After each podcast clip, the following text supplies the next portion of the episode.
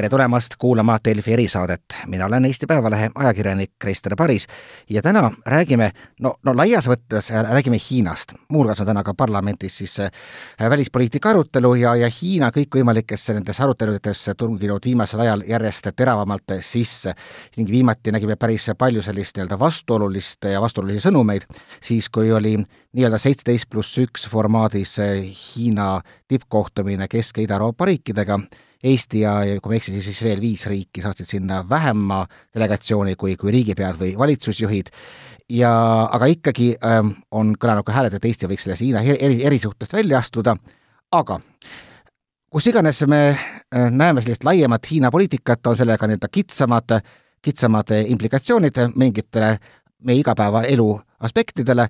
Ja üks selline märksõnu, mis sümboliseerib Hiina ja läänemaailma suhteid, on viimasel ajal Huawei, suur firma, mis valmistab, noh, eestlaste jaoks ilmselt kõige rohkem on tuntud erinevad telefonid või siis tahvelarvutid, aga teeb ka, ka palju muid elektroonikaseadmeid ning nendest ongi siis saanud selline tüliõun. mul on hea meel tervitada enda vastas tänu sellele Eesti Huawei müügidirektorit Alar Heiklat, et noh, pole vist just praegu kõige parem aeg olla, olla Huawei eh, juhtide seas või esindajate seas, et see surve, mis tuleb Ameerika Ühendriikidelt, et eh, Huawei'd erinevatest siis 5G võrkude ehitamistest välja arvata, on, on, on päris suur. et eh, kui, kui halvasti te ennast tunnete? tänan küsimast. õues on, sajab lund, et ei saa ainult kurta, et ega siis äh, nii nagu halva ilmaga halb ilm läheb mööda. Talv saab läbi, varsti tuleb kevad ja siis tuleb suvi, ehk noh, võrdleks seda nagu, hetkel on natuke talvine olukord, aga see kõik möödub, see kõik möödub. Olete kindlad, ma ise kirjutasin ühe artikli, äh, kus, äh, mis tugines sellele, et seitsmeteistkümnendal augustil USA kaubandusministeerium keelas müüa Hiina siis äh, kompaniile Huawei mikrokiipe, mis on valmistades, valmistatud kasutades Ameerika tehnoloogiat, ehk siis põhimõtteliselt äh, kõige selliste uuemaid ja, ja paremaid asju. et seda päris mitmed analüütikud hindasid kui kas, kas katastroofilist või suisa nagu surmahoopi Huaweile see päris ei vasta selles suhtes tõele, et äh, Ameerika Kaubandusministeerium aasta lõpus on väljastanud terve liiga litsentse Intelile Qualcommile, Broadcomile eh, mikroskeemide müümiseks meile, et eh, loomulikult seal on, ütleme, selles nomenklatuuris võib olla teatud sorti erisusi, aga see ei tähenda, et eh, kauplemine oleks seiskunud. et see päris ei vasta tõele.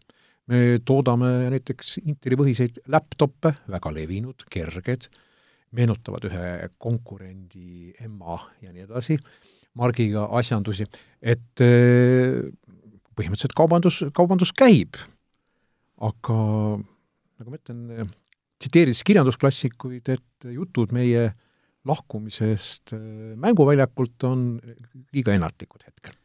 Mida see siis see USA otsus tähendaski, lihtsalt seda, et, et nüüd vaadatakse kõik erinevad litsentsid veel lihtsalt äh, eraldi läbi, aga, aga et need nagu, nagu vaikimisi on keeld, aga sellest saab mööda minna? No tähendab, ütleme niimoodi, selleks, et kaubandus käiks, äh, huvitatud osapooled Ameerikas ju ise taotlevad neid litsentse. sest tegelikult, kui me nüüd tuleme selle mikroskeemide kaubandusena, see on miljardid ja miljardid. Ähm, kui ma nüüd õieti mäletan, kas võis mingi kümme miljardit olla umbes või see on niisugune tõsine Eesti eelarve jagu aastas, mis ainuüksi läheb mikroskeemide peale ja loomulikult Ameerika firmad on huvitatud müügist.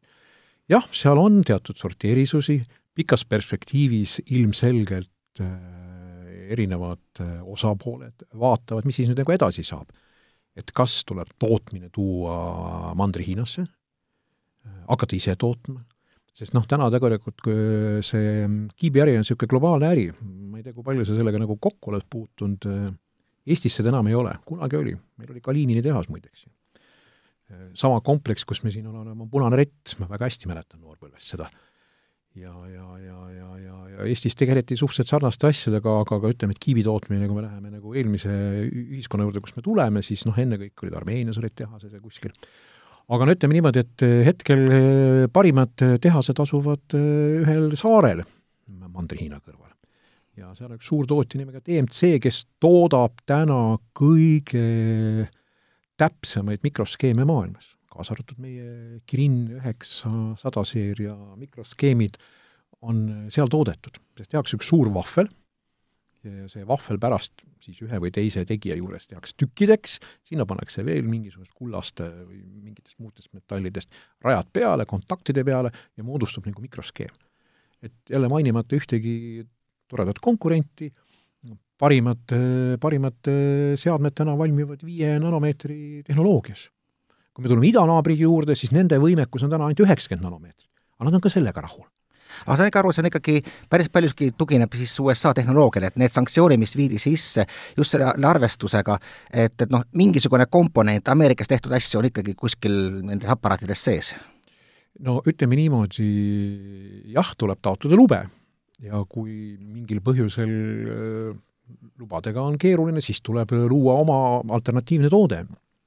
Et selles suhtes on äh, põhimõtteliselt on ju võetud otsus äh, vastu päris tõsiselt panustada oma äh, ütleme, isikliku kiibi, kiibi, kiibi, kiibi nagu võimekuse arendamisse. see nüüd ei tähenda, et me hakkame isiklikult neid samu vahverplaate tootma. aga noh, ütleme, et see eeldab, et sa arendad välja tehnoloogia, sa arendad välja oma projekteerimise tarkvara ja, ja, ja sellega väga tõsiselt äh, terve riik seal tegeleb. sest ma ütlen veel kord, et äh, eks see on nagu selgelt äh, näitas ära, et iga riik peab olema sõltumatu teisest osapoolest, sama kehtib Euroopa suhtes. Euroopas oli ka võimekus olemas, meil olid ju ajad, kus siin Philips ja, ja ja terve rida Hollandi, Saksa päritolu firmasid tootsid. miks nad täna ei tooda või toodavad väga kitsat spektrit, see on nüüd eraldi teema et ega me peame Euroopas täpselt sama probleemi otsa vaatama. muide, muide, muide, mis te hindate, miks, miks see nii on, kas lihtsalt sellepärast, et teadus-arenduskeskus on või see teadus-arendusvõimekus on rohkem eh, koondunud USA-sse, kuna nad lihtsalt on paremad, või on selle taga ka mingisugused selged eh, poliitilised sammud? no nüüd me tuleme ajaloo juurde. tuhat üheksasada nelikümmend kuus veebruaris eh, kirjutati üks George Kennani poolt üks pikk telegramm. kui sa sellest loost midagi tead, siis pikast telegrammist on nüüd üks mõttekoda, kus on väga palju huvitavaid, toredaid inimesi üle Atlandi, äh, on kirjutanud hiljuti ühe dokumendi, mis on siis äh, meie liitlase plaanid äh, Aasia suunas, ütleme siis niimoodi viisakalt. ja seal on väga selgelt nagu välja öeldud, et tahetakse domineerida. tahetakse domineerida ja tahetakse säilitada oma liidrirolli sest et äh, nad on olnud teerajad, sest noh, kui me tuleme siin ka interneti juurde, Tarpanet kuuekümnendatest pärit on ju üle Atlandi, me kõik kasutame seda täna internetina, et noh, ter-, osa, osa nagu ütleme, tehnoloogiad on sealt pärit, et, et noh, kui me läheme nagu ajalukku, siis äh, noh, meil on seal Intel ja AMD ja Texas Intru-, Instruments ja, ja terve rida, need on tihtipeale Ameerika päritolu firmad, kes on selle tehnoloogia loonud ja, ja, ja nagu globaalselt laiali paisanud aga noh, täna on maailmas palju teisi tulejaid. mis siis nagu juhtunud on viimase kümnendiga, on see, et äh, jäädi natuke tukkuma teatud tehnoloogiates. ja, ja, ja kui me tuleme nagu meie juurde, siis noh, me ju oleme maailmas top viie hulgas patentide saamise osas. meil on väga tõsine arendustöö globaalselt, Euroopas on meil üle kaheteistkümne arenduskeskuse, et, et, et tegelikult noh, see on niisugune globaalne äri, sa püüad leida parimaid äh, kuidas ütleme, tegijaid, insenere, teadlasi, sest noh, kõik me ju teame, kui sa tahad matemaatikuid, siis sa kas lähed Moskvasse või sa lähed Indiasse. kui sa tahad programmeerijaid, noh jälle, kust riigist sa seda nagu, nagu otsid. kui sa tahad disaini teha, Prantsusmaa, Itaalia, noh, et ja kui sa tahad äh, raadiotehnikuid teha, siis äh, Soome, Rootsi. nii, aga me läheme nüüd selle juurde ikkagi, et mis on see ajend, miks või mida, mida kasutades üritavad Ameerika Ühendriigid survestada noh, põhimõtteliselt kogu maailma, ennekõike oma liitlasi, et, et Huawei'd kõrvale hoida. ikkagi on, ennekõike kõlab läbi süüdistus spionaažis. no ma olen ka üritanud siin ise rääkida inimestega ka eraviisiliselt, et noh, kas on, on midagi leitud, on leitud tagauksi. ikkagi, et paned kuskile kiibi sisse ja kiip hakkab saatma seda infot ka välja kuskile mujale. no siiamaani ma olen saanud vastused, et ei, aga vot hea, hea tagauks ongi see, mida leitakse alles siis üles, kui on juba võib-olla liiga hilja. Te vähemalt mõistate nende süüdistuste sisu? see on nüüd nii pika vinnaga lugu, et, et seda, noh, esiteks seda püssi ei ole kunagi leitud. sest olles, nagu ma ütlen, globaalne firma, toimetades saja seitsmekümnes riigis, sellise juhtumi väljatulekul ilmselt järgmisel päeval oleks väga tõsised tagajärjed, et me ei oleks võimeline nagu tegelema selle äriga üldse. Aga mis ma ütlen vastusena nende igasuguste, et esiteks ei ole ühtegi homogeenset võrku maailmas. miks ma seda ütlen, ma olen üle kolmekümne aasta sellel alal ja, ja ükskõik, mis võrk see on, see on nagu auto. no võtame Volkswageni, hea näide. et sa võtad, et mootor tuleb sul ühest riigist, ma ei tea, kummid teisest, kolmandast, see, see kogum on ähm, mingi komp-, komp-, komp-, komponentidest kokku pandud asi. ja kui me nüüd tuleme nagu võrgu ja selle turvalisuse poole ka, et kuna erinevate tootjate seadmed on risti hästi ja seal on väga suur osa, kui me tuleme ka nagu Eesti juurde või, või üleüldse globaalselt ka Euroopas, kus on äh, lääne ja, ja, ja ida poole komponendid on nagu üksteisega läbisegi ja kui nüüd üks või teine osapool peaks mingisugust nagu anomaaliat näitama, see tuleb kohe kõrvalt välja. Teine asi, mis nagu aetakse segi kogu aeg selle keskustele puhul, on äh, see, et, et kas me, millest me nagu räägime, et, et kas me räägime sellest bussist, mis sõidab a la nagu Viru keskusse, või me räägime sellest, et meil on autotee kuskil. et äh, noh, et kui sa nagu tarnid asf-, asfalti, siis kas sa oled nagu süüdi, et keegi ületab seal kiirust või, või veel mingid niisugused nüansid, et et noh, nagu see, see vestlus läheb hoopis nagu teise nurga alla. et me otsime pimedas toas seda musta kassi, see Schrödingeri kass või mis see oli, aga, aga, aga, aga, aga, aga ja, ja me kogu aeg arvame, et noh, et ta tuleb, teeb, teeb noh, nagu lapsi, lastele öeldakse, et tuleb hirmutada. aga nagu seda nagu reaalselt nagu ei leita aga miks see käib niimoodi, et veel kord ma ütlen tagasi tulles ühe nimetamata ühte arengukava, mis hiljuti üle Atlandi valmis sai, kus on nagu selgelt öeldud, tuleb säilitada liidri roll. Selleks on kõik vahendid head. see pole mitte isegi ainult see, et ütleme, anda eelist USA kompaniidele, et ega keegi väga noh, tingimata seda nišši nüüd võib-olla täitma ei tor-, ei tormaks ja ma ise, ise mõtlesin näiteks kas või siin noh, Ericsson näiteks võiks ju saada äh, eelise, kui, kui Huawei'd ei ole 5G võrkude ehitamisel, aga samas Ericsson oli just see, kes, kes tead, ütleb palus Rootsi võime, et ärge teie nüüd torkige Huawei'd. Ei no aga põhimõtteliselt ju antud firma Eesti juht on ju öelnud, tal on kaks äh, tugipunkti, üks asub Tallinnas ja teine asub seal. et äh, kõigil nendel tootjatel, ka väga suured tuntud nimed üle Atlandi, on tehased ja arenduskeskused Hiinas. kümned ja kümned tuhanded töötajad. ega siis ühe nime asetamine teisega ei muuda nagu seda rolli, et, et insenerid on tihtipeale sellest rahvusest. et äh, nad on tublid ja nad töökad. sellepärast, et äh, no nad ikkagi kümme tundi päevas töötada või, või, või seitse päeva nädalas, kas me oleme selleks valmis? teine asi on insenerikool hakkab sellest pihta, et, et noh, ma tulen nagu Eesti juurde ka tagasi, et kui me läheme kuskile ajas kolmkümmend viis aastat tagasi, Eesti oli suhteliselt Silicon Valley, kus me siin istume. punane rett tootis väga häid võimendeid, raadioid, kõlareid. ainuke asi, mis on alles, millega me oleme uhked, on Audes või mis selle firma nimi on Eestis, mis toodab tipptasemel kõlareid. see on ainuke asi, mis järgi jäänud on. Harju Elekter, meie tippfirma, kolmkümmend viis aastat tagasi oli täpselt samas seisus nagu Huawei. tootis elektroonikat umbes samal tasemel, hakkas pihta. täna Harju Elekter toodab ka palju toredaid asju, aga seda elektroonikatööstust seal enam ei ole. Et noh, asi nagu taandub selle peale, et sul on inseneride koolkond, sul on logistikaahelad, sul on komponendid võtta ja sul on innovatiivsus. miks ma sellest räägin? olles ise kolm aastat tagasi külastades äh, Shenzheni koos äh, ühe meie valitsuse liikmega. Ma käisin seal kohapeal ringi ja vaatasin, et sarnane koht, nagu meil on Tehnopol. seal on selliseid Tehnopole on kümnete kaupa. ja sa näed, kuidas noored poisid, silmad säravad, arendavad midagi.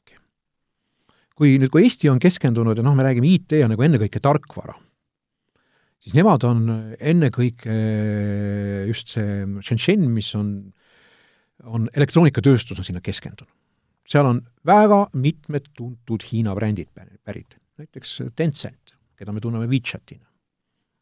ka Alibaba ja need kõik tegutsevad seal selles, selles piirkonnas. Ja, ja nii edasi ja edasi, seal on kümneid ja kümneid firmasid, DJI, kes teeb, toodab droone, et lihtsalt sul peab olema keskkond, mis soosib, sul peab olema ülikoolid, kes valmistavad antud ala ette. kurb on nagu see, et, et noh, ma tean ka, et meil on Eestis väga äh, Äh, tublid äh, ülikoolid, kes püüavad äh, piiratud ressursi piires teha siin nagu arendust, aga noh, kui sul tiimide suurused on täpselt nii suured või väiksed, on, on nagu, on hästi. teine asi, et kui sul nagu noh, ma kiidaks Mart Minni. TalTechis väga tubli teadlane, kes on väga kihvte asju Eestis teinud, aga no selge, neid mastaape me kuidagi äh, võrrelda ei saa. Ja ilmselt ka, ka, ka rahasummasid, mida siis kas või, vot nüüd ongi küsimus, et kas, kas või kui palju, ütleme, tuleb seda kõike kas, kas Hiina, Hiina keskvõimudelt seda, seda rahaeraldist, et innovatsioon toimiks.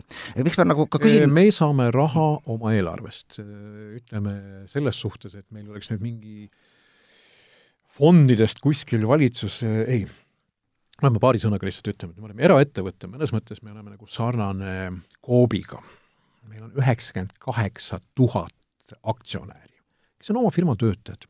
me ei ole äh, avalikult äh, noteeritud ühelgi börsil, küll on meie võlakirjad noteeritud. et äh, aga, aga, aga jah, raha, raha arenduseks me paneme üksjagu, seda on rohkem, kui Eesti eelarve läheb iga aasta ainuüksi arendusse sama mm, säravate silmade lugu tõi mulle natukene meelde, ma tegin äh, Päevalehte hiljuti intervjuu Frank Jürisega, kes on siis Välispoliitika Instituudi teadur ja nii-öelda Hiina ekspert, üks, üks nii-öelda Eesti tuntumaid, ja noh, tema nagu tõi välja selle, et, et aga et Hiina majanduse struktuur erineb oluliselt äh, Läänemaalt sellega poolest, et ikkagi on selline nagu riiklik kontroll seal, et on olemas igas firmas, eriti Xi Jinpingi ajal toodud, peab olema nii-öelda kohalik kommunistlik rakuke, peab olema ikkagi nii-öelda siis mingisugune nagu alluvus ähm, komparteile, seda juba ka väikeste ettevõtete puhul, ilmselgelt äh, selline firma nagu Huawei ei saa olla ju sellest jäänud kõrvale, mis omakorda, kui me mõtleme tagasi enda minevikule, siis igasugune selline nii-öelda kommunistide valitsemise all tegutsemine peaks nagu võtma iseenesest seda innukust ja innovaatilisust kõvasti maha, et kuidas teil enda kommunistidega on seal? no kommunistidega.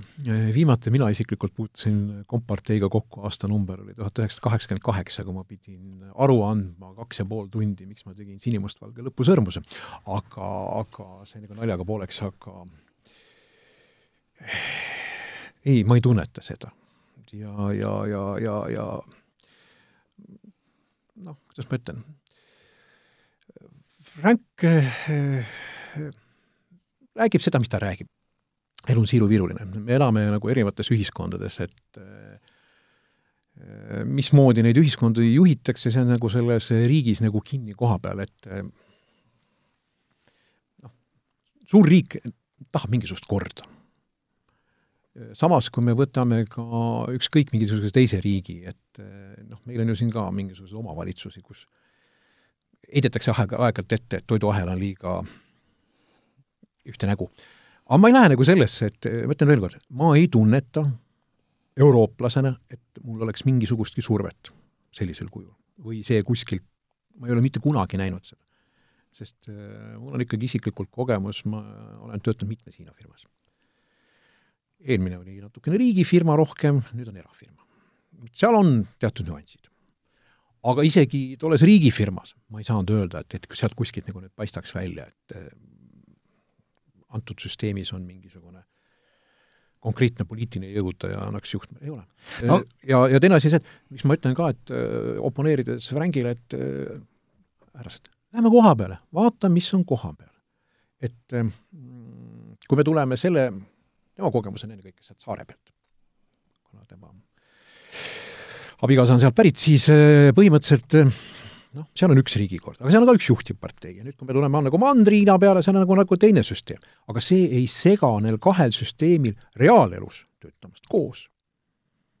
no okei selle saareriigi ähm, probleem, õigemini selle allutamist ikka sellele suuremale süsteemile oleme me sel aastal palju näinud, et noh, tegelikult ikka päris palju ka sellist Hiina kommunistide käitumist ju kirjutatakse ka, ka Huawei äh, kraesse, et ma just vaatasin, et viimasel ajal isegi võib-olla on natukene retoorika rohkem muutunud, et mitte niivõrd ei räägita enam salakuulamisest ja tagaustest, vaid räägitakse inimõigustest, et vot näete, et äh, Huawei äh, ehitab te-, samas, ehitab tehnoloogiaid, millega siis jälitatakse uiguure ja et kuidas te sellest inimõiguste ähm, ma ei oska öelda, pakendist läbi saate? me oleme väga selgelt öelnud, et me oleme eraettevõtja, me ei me, me loome üldkasutatavaid tehnoloogiaid ja, ja, ja me müüme neid globaalselt, kaasa arvatud eh, siseriiklikult.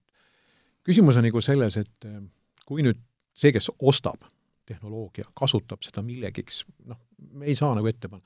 et selles suhtes eh, ega me ju ei tea, et ei ole mõne teise tootja mingi tehnoloogia, sest et noh, kui me võtame nüüd noh, kõik räägivad siin tehisintellektist, mis asi see on? see on kogum äh, käske ja keelde. teine asi, mis selles on, toimub pildimaterjali võrdlemine. ma toon niisuguse tehnoloogilise nime nagu TensorFlow, mis on Google'i välja arendatud tehnoloogia. meil on Eestis on üks teada-tuntud startup, mis teeb pankadele seda näotuvastust. et see, see, see tehnoloogia on globaalne, lihtsalt erinevad maailma otsast toodavad sarnaseid asju või kasutavad sama platvormi. aga kas kunagi räägitakse siis alfabetist ei räägita ju, et, et selles suhtes noh, ma ütlen veel kord, et on terve rida globaalseid firmasid nagu Hewlett Packard, IBM, kes loovad tehnoloogiaid, kaasa arvatud meie, mis on, ma nagu veel kord ütlesin, me oleme maailmas ilmselt top viie hulgas patentide saamise hulgas. ja arendamisel toimub erinevate asjade peale, sest et ega siis kui sa nagu ostad auto ja sa teed load, siis ju eeldatakse, et sa käitud vastutustundlikult sellega. kui sa ületad kiirust, siis ja nii edasi. no jah, ka need oh, sanktsioonide üks võib-olla selliseid mõtteid, mida, millega neid ka noh, ütleme siis turustatakse, ongi ikkagi, ikkagi see, et, et, et on teatud inimesi, kellel ei tohi tehnoloogiat müüa, kelle, on teatud inimesi, kellel ei tohi autotki müüa, et nad on näha, et nad kipuvad seda kuritarvitama aga see on, see on, ütleme see, millega võib-olla neid, mida ka tuuakse põhjenduseks kogu sellele paketile, mida te just välja tõite, et vaja ikkagi domineerida. aga fakt on nüüd see, et noh, sanktsioonid ju tegelikult ikkagi kehtivad, see, et talv pole võib-olla nii külm, kui paistis äh,, olgu pealegi, aga samas jällegi Euroopa riigid nagu järjest tulid USA-le järgi, Eesti pole veel otsustanud äh,, britid, prantslased võtsid põhimõtteliselt vastu seadused, mis olemuslikult muudavad kas väga raskeks kui mitte võimatuks Huawei kasutamise. Ja nüüd tuli ka Saksamaa mõnevõrra nagu leebema seadusega, mis ütleb, et jah, ministritel on õigus julgeolekukaalutlustel eh, teatud tooteid välistada, aga sellist lauskeeldu ei ole, et kuidas, kuidas kogu seda selle taustal, kõigepealt Saksamaa äh, otsust kommenteerite? hakkame sellest pihta, et Eurostat eile ütles, et äh, Hiina on Euroopa Liidu kõige suurem väliskaubanduspartner. see oli eilsetes uudistes ja, ja, ja, ja see on nüüd üks pool. teine asi, mida me oleme ise alati ütelnud, et äh, munad tuleb erinevate korvide vahel ära jagada. ja, ja, ja loomulikult, kui Euroopa on otsustanud, et mingisugused tuumikfunktsioonid sest kogu selle keskustelu puhul unustatakse nagu ära veel kord, et äh, võrgul on erinevad kihid. ja, ja, ja see informatsiooni kontsentreerumise tase on erinevates võrguosades erinev. Äh, tagasi tulles nüüd siis äh, eelpool mainitud Saksa või Prantsusmaa juurde, ega mitte kuskil ei ole tervikuna keelatud, vaid on lihtsalt öeldud, et on, on kriitiline ja mittekriitiline osa. ja, ja mittekriitilises osas äri jätkub. põhimõtteliselt, et poes saab minna osta endale Samsungi telefoni endiselt? jah, aga ütleme niimoodi, et äh, mida on Euroopa on otsustanud, et kassasüsteemi toodan ise. ma ei hakka mainima siin teada-tuntud Saksa firmasid, kes tegelesid ka kunagi IT-ga, enam ei tegele, eks ju. aga, aga sellest on nagu mingisugused spin-off'id tekkinud, kes siis näiteks teevad kassasüsteemi. et äh, kõik, mis muu, mis seal ümber kassa toimub, on lubatud. aga kassasüsteemi on otsustanud äh, noh, mõnes mõttes tegelikult ütleme, noh, mida me oleme juba siin mitu aastat rääkinud, et võti on ju tegelikult äh, andmetes, mis seal jookseb, ja andmete krüpteerimises. ja kelle käes on need äh, krüpteerimise võtmed? Need ei ole meie käes. need ei ole kunagi tarnitud meie poolt, need tarnijad tihtipeale on üle Atlandi või kuskil Lääne-Euroopast pärit, et kui sa nagu kontrollid seda lukustussüsteemi, siis noh, sa ju reguleerid, et kes sul uksest sisse-välja käib. aga kas te põhimõtteliselt kujutate ette, et noh, ka nii-öelda hardware'iga, selle raudvaraga on võimalik ikkagi luua võimalusi te teoreetiliseltki, et, et see info liigub ka, liigub ka mujale, mitte ainult nende kahe partneri vahel, kes tahavad omavahel infot vahetada? Veel kord rõhutan, kui sa oled ära pakkinud noh, tegelikult me tuleme, kõige lihtsam näide, mida Eesti inimene tajub, on, meil on ID-kaart. Ja ID-kaardiga, kui sa signeerid dokumenti, sa põhimõtteliselt, sul on seal üks funktsioon, sa saad krüpteerida selle konteineriks ja see võti on, üks võti on sinu käes, teine võti on riigi käes. nüüd keegi, kes kõrvalt seda krüpteeritud konteinerit lahti teha nagu ei tohiks. eeldusel, et kõik on tehtud standardi järgi, võtmepikkus on piisavalt pikk, sest et kui me nüüd tuleme nagu no, no samas, ma toon siis kohe vahele, me ju ID-kaardi no sellist turvaviga nägime, kus just nimelt kaardi kiibis olev viga tegelikult võimaldas sisse tungida. no ütleme niimoodi, et äh, vigade otsimisega globaalselt ju kõik osapooled tegelevad. ja, ja, ja selleks on võetud terve rida nagu meetmeid ja standardeid, et äh, ega vaata, seda turvat saab ka nagu jälle mitmel tasemel teha et sa pakid ühtepidi, siis on sul mingid otspunktide kontrollid, kes on nagu lubatud läbi, kes mitte, et noh, see on ju kontorisse tulles on ka pääsla.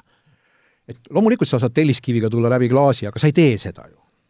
selle vastu, et sa seda ei teeks, on mingid teised andurid ja mingid teised seadused või asjad, et, et noh, tegelikult me elame ikkagi maailmas, kus kehtivad reeglid. ja, ja tagasi tulles meie jutu alguse juurde, et tegelikult ju seda nii-öelda suitsevat püssi ei ole leitud ja see jutt, et äh, nagu ma ütlesin, et see must kass on seal pimedas ruumis, et noh, jah, ja mis see meile nagu annab iseenesest, see on täpselt niimoodi, et täna on talv, tuleb kevad, suvi, sügis, see on nagu paratamatus, see tsükkel käib nii või naa, eks ju. see on nagu üks pool. teine asi, selleks, et maailm toimida saab, meil peavad olema mingisugused globaalsed standardid. ma, ma ei arva, et kõige targem on see, et meil saab olema siis nagu kaks maailma, et kuskilt, ma ei tea, kus see piir läheb, et ühel pool on taas, nii nagu kakskümmend viis aastat tagasi, ühepoolsed standardid ja teisel pool teised. no ma lihtsalt äh, jälle nimesid mainimata, üks teada-tuntud mobiilide tootja kunagi üritas üle Atlandi minna. ja mis ta avastas seal, seal vastas olid standardid, mis ei kattunud kuidagi sellega, mida me siin Euroopas olime harjunud. ja nad olid püsti hädas. no üks suurimaid standardite kehtestajaid ju muide ongi e-, Euroopa Liit, et tegelikult suurem osa maailmast peab kuidagi arvestama sellega, et nende toodang siia Euroopa turule tuleks, pääseks ja mahuks üldse.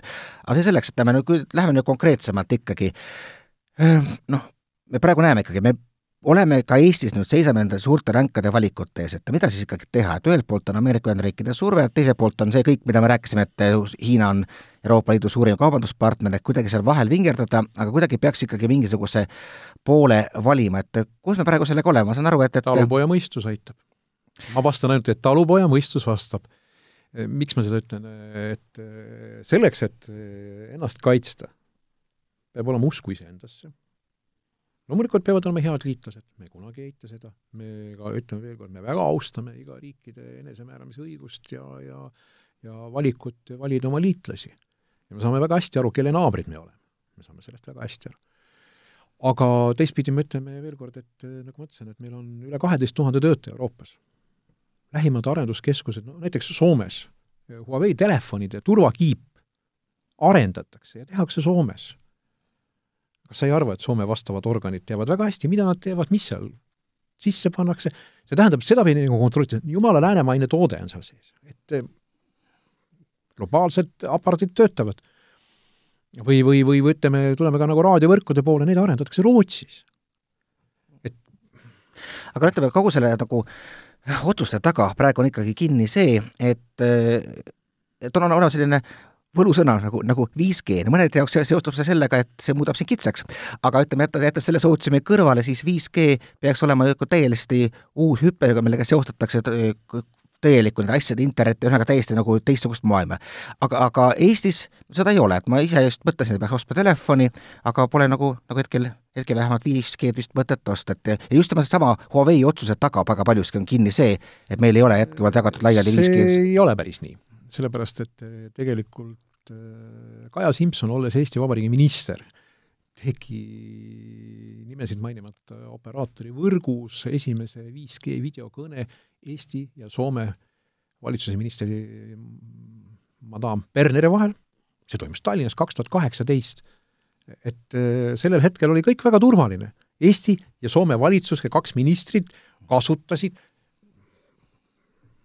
meie tehnoloogiat, kõik oli väga hästi, kõik oli väga hästi. siis eliitkõne, nagu öelda. jah, eliitkõne ja, ja, ja tegelikult ütleme ka niimoodi, et ega siis äh, ka Eesti Vabariigi president on külastanud ju meie arenduskeskus, veel kord, paar-kolm aastat tagasi oli kõik väga hästi, kõik oli väga hästi. nüüd tulles nagu, mis asi nagu 5G, inimestel on nagu see, et arvavad, et, et noh, et generatsioonide vahetus on mingisugune a la, et me läheme nagu aurumasina pealt, ma ei tea mingi järgmise asja peale, see, see, see ei ole, igasugune tehnoloogia areng tänases maailmas on evolutsioon, mitte revolutsioon. see ei ole niimoodi, et ma nüüd aurumasina panin kinni ja, ja, ja võtsin, ma ei tea, bensiinimootori või, või või nüüd me püri-, püüdime siin minna vesiniku või, või elektri peale. oota, oota, lihtsalt, lihtsalt ütleme, ta lihtsalt kiirem andmeside? Eh, see on ainult üks paljudest asjadest. et, et kui me võtame nagu standardi, siis eh, mida siis nagu üldse 5G all, all mõeldakse, et siin on nagu mitu poolt. et kõigepealt on äh, mis nagu võrgus muutub? võrgus muutub see asi, et äh, kiirused natuke kasvavad, äh, viiteajad mm, ehk sinu-minu vaheline suhtlus läheb kiiremaks. sellepärast, et vahepeal võib muidu öelda, et noh, nagu me vanasti naljatasime, et kõne käib läbi ma ei tea, Moskva või kustkaudu, eks, et miks on niisugune viide, eks ju no seda me kõike näeme, kui me vaatame kas või praegu satelliidülekandeid või mitte enam satelliidi, vaid interneti teel ülekandeid kuskilt teisest riigist et, et siis nagu viiteroll. kolmas äh, oluline komponent on see, et äh, sa tõesti mainisid asjade internetti, et äh, need asjad, mis sinna võrku paisatakse, tahetakse kuhugi suhtlema hakata. noh, ma enne tõin näite nagu kassasüsteemidest. et kuskil on see keskne kassasüsteem, mis loeb kokku kauba, mis on poes. nüüd need andurid peavad kestma standardi järgi, kui sinna on mingi patarei sisse pandud, kümme aastat, ehk voolutarve. nüüd me jõuame jälle selle, Euroopa tahab olla roheline tarbida vähe energiat, aga kui sa paiskad hästi palju niisuguseid pudinaid, need kõik tahavad särtsu. elekter ei tule seinast niisama. miks ma seda ütlen, mul on kõrgharidus energeetikas. et siin on teatud nüansid, et esiteks see valdkond on, nõuab pikaajalisi investeeringuid, sa ei saa homme midagi ümber sisse-välja lülitada, sest muidu sul on see ei tööta mitte midagi peale seda, aga noh, 5G, mis siis on, et me, me nagu keskendume ainult nagu ühele asjale et äh, lihtsalt otspunktis läheb mingi asi kiiremaks. aga mida me nagu selle kogu keskusteluga jälle nagu väldime, et äh, nagu ma ütlesin, kuskil on see kassasüsteem. veel kord, seda kassasüsteemi Eesti Vabariigis ei ole kunagi meie tarninud ja ei hakkagi tarnima. selle tarnijad on tihtipeale noh, kas meie lähiriikidest või kuskilt kaugemalt nii, aga võtame nüüd selles mõttes otsad kokku, et ikkagi noh, praegusel hetkel hea, hea küll, need, need kõned olid ära, mina praegu seda kõnet ilmselt äh, teha ei saa, isegi kui tahaks, või võib-olla pea minema üht, ühte väga kindlasse punkti, Eestis ikkagi 5G võrku ei ole, kui palju me oleme maailmast maha jäänud sellega? kolm aastat, see on ju fakt, sest esimese võrke hakati kaks tuhat kaheksateist kommertsvõrku ehitama. tollel hetkel meil oli täisvalmisolek Eestis, jälle nimesid mainimata. äh, sisuliselt äh, operaatorid Eestis, suurimad tegijad, siin olid kõik valmis, kõigi nende tarnijad olid põhimõtteliselt saanud seadmed selleks hetkeks tolle standardi järgi valmis ja oleks võinud kommertsi minna.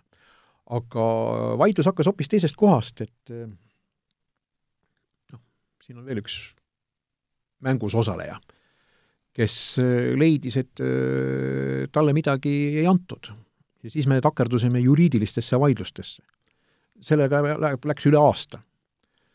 no ja siis tulid veel muud, äh, kuidas me ütleme, et äh, jälle, üks ajastu sai läbi nüüd tuleb uus ajastu. alates jaanuarikuust mingist et äh, aeg muutus ja, ja, ja noh, kas ta nüüd nii totaalselt muutus, seda me veel ei tea, eks ju. aga aeg muutus selles suhtes, et eks hingatakse sisse-välja ja, ja nagu ma ütlen, alati osapooltel on huvid. aga noh, globaalses maailmas eh, tuleb leida mingi tasakaal. ja, ja tagasi tulles nagu 5G puhul, ma ütlen jah, mis ma ütlesin, et me keskendume ainult ühele võrgustükile. me nagu kogu selle keskustelu puhul praktiliselt, mida ei ole nagu räägitud, ongi seesama kassasüsteem, rahaühikud, mis seal liiguvad ja nii edasi, et mis tegelikult on palju olulisemad kui see, et kus sul see poe ostukäru on üks või teine. Nii, aeg on suhteliselt otsa korra, ma ikkagi küsiks lõppu siis ikkagi, et noh, hea küll, oleme kolm aastat maas, mis see tähendab, no me pole saanud teha viitajata äh, videokõnesid, noh, see ei ole väga suur kaotus või palju-palju, ütleme, me oleme maha asja, asja pool on hoopis teine asi, et kui me nüüd jälle vaatame seda, noh, me oleme startupi riik. ja teenuseid, ma ütlen veel kord, me, me kogu keskustelu taandub poekärude peale. Selle asemel, et rääkida selleks, et me tahaks teha niisuguseid kihvti, fancy seid mingisuguseid tooteid, mida see kassasüsteem suudab läbi närida. aga selleks peab olema loodud ümbrus. ja kui seda ümbrust ei ole, siis kõik see muu, see kaup, mida sinna korvi tõsta ja sealt kassasüsteemist läbi lasta, seda ei ole võimalik siia turule tuua. nii lihtne see asi ongi. ja, ja ühel hetkel me nagu avastame, et, et, et meil on niisugune inglise keeles on vintage või legacy see on niisugused noh, ajast ja arust asjad, mis ei tähenda, et nad on halvad asjad, aga lihtsalt äh, muu maailm äh, vaatab kui muuseumi eksponaate. jah. aitäh, Alar Heikla, Huawei Eesti müügidirektor, mina olen Krister Paris, Eesti Päevalehe ajakirjanik ning jälle kuulmiseni siis uutes erisaadetes